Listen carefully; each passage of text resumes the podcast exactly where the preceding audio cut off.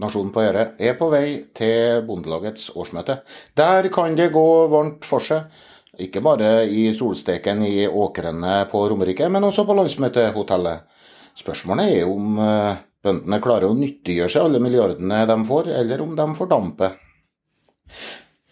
Hvis du tar flytoget i disse dager, så sitter gjerne en bekymra mann med grove hender, rutete skjorte, dongeribukse og hokasko ved siden av det. Det er en tillitsvalgt i Bondelaget, på vei til årsmøtet på Lillestrøm. Langs skinnene gjennom Ullensaker ligger åkre bada i livgivende sol, men eh, de ser nokså pjuskete og stusslige ut, stressa av en usedvanlig tørr senvår. Nå venter 30 graders varme, knapt noe nedbør. Soltimene er mange, men det blir ikke vekst av dem. Utsendinga fra nord for Dovre sender en tanke hjem til jorder og åkrer der nedbøren og hagla og sola har avspasert de siste ukene. Slik er det å drive utendørsidrett. Både sol og regn gir liv og tar liv. Sånn kan det være også i norsk jordbruk. Milliardene lave ned, men blir det vekst av dem? Vi kornbønder vil få mindre betalt for korn i år. Det kan virke rart tatt i betraktning at alle sier de vil ha korndyrkinga opp. Forklaringa ligger i kostnadene.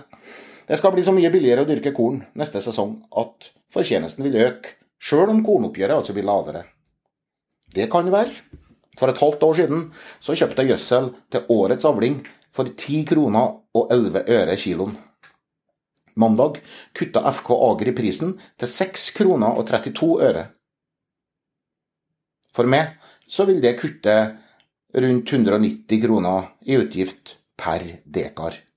Med en forventa avling på 400 kg, og det er ikke dårlig for en hobbybonde på 200 meters høyde over Trondheimsfjorden, så blir inntektsfallet fra redusert kornpris 40 kroner. Så netto kan det bli et lite feriebidrag til fotturen i Jotunheimen i sommer. Hvis det da ikke blir en regnsommer, så klart. Priskuttet vil iallfall bidra til at kraftfôret blir 14 øre billigere per kilo.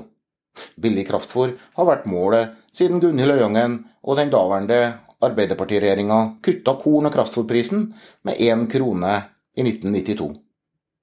Så kan bønder som ifølge Grytten-rapporten tjener 212 000 i året, undres på hvor fortjenesten fra alt det her billige kraftfôret ender. Kornbøndene har den største inntektsveksten i jordbruket målt fra 2021 til 2024. Som ellers i jordbruket er jo ikke det interessante om det er mye, men om det er nok, går korndyrkinga ned i år sånn som vanlig? Ja, da er det jo ikke nok. Inntektsvekst er bare et middel. Målet er at korndyrkinga vokser, sånn som Stortinget har bestilt. Sjølforsyninga er vedtatt økt til 50% opp fra om lag 40 i dag. SV og regjeringspartiene er enige om en strategi for økt sjølforsyning før høstens statsbudsjett. Per Vidar Kjølmoen, landbrukspolitisk talsperson for Arbeiderpartiet, nekta som kjent å gi etter for SVs ønske om mer penger til bøndene i år. Kjølmoen mener økt selvforsyning gjennomsyrer avtalen likevel. Og ja, har ikke Bondelaget signert på at 4,2 milliarder var nok i år, kanskje? Derfor dukker det nok opp representanter fra regjeringspartiene på Bondelagets festmiddag onsdag kveld i år også. Det er mer tvilsomt om noen fra Høyre føler seg, føler seg hjemmebekvemme der. I fjor og i år har partiet foreslått å kutte i alt 2,2 milliarder til norsk matproduksjon og beredskap. På ytre høyre krever Frp enda større kutt. Krig i Europa og Totalforsvarskommisjonens klare råd om økt matproduksjon ser ut til å være tungt fordøyelig kunnskap i høyrepartiene.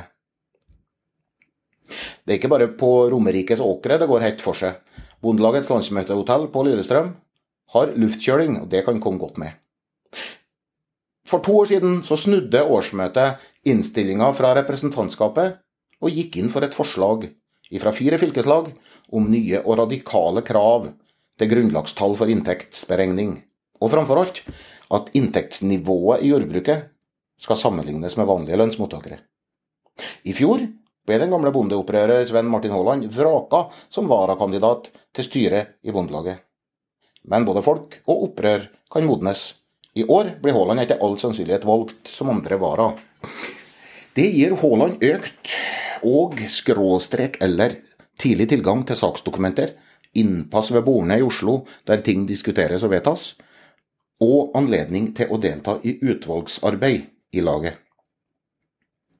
Syte- eller glansbildedebatten vil nok fortsette også på Bondelagets årsmøte.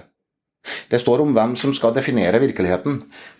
De som synes tilskuddene er blitt veldig gode i 2023, og sikkert bedre enn det ville vært fra Høyre. Og dem som synes at tilskuddene uansett er for dårlige, hvis odelshaveren ikke ser butikk i å ta over bruket. Optimismen blant bønder som ligger an til inntektsøkning fra 212 til 312 000 kroner, den er som henta fra en Kjell Aukrust-historie. Den om Tynsetingen, som hadde vært på svømmekurs i Glomma, og fortalte naboen om framgang. Ja, kan du svømme nå, da? spurte naboen. Nei, men jeg søkte liksom mitt litt mer på skrå. Det var Nasjonen på Øre. Eh, ha et eh, godt årsmøte hvis du skal dit. Og til alle andre, ha en tørkefri dag.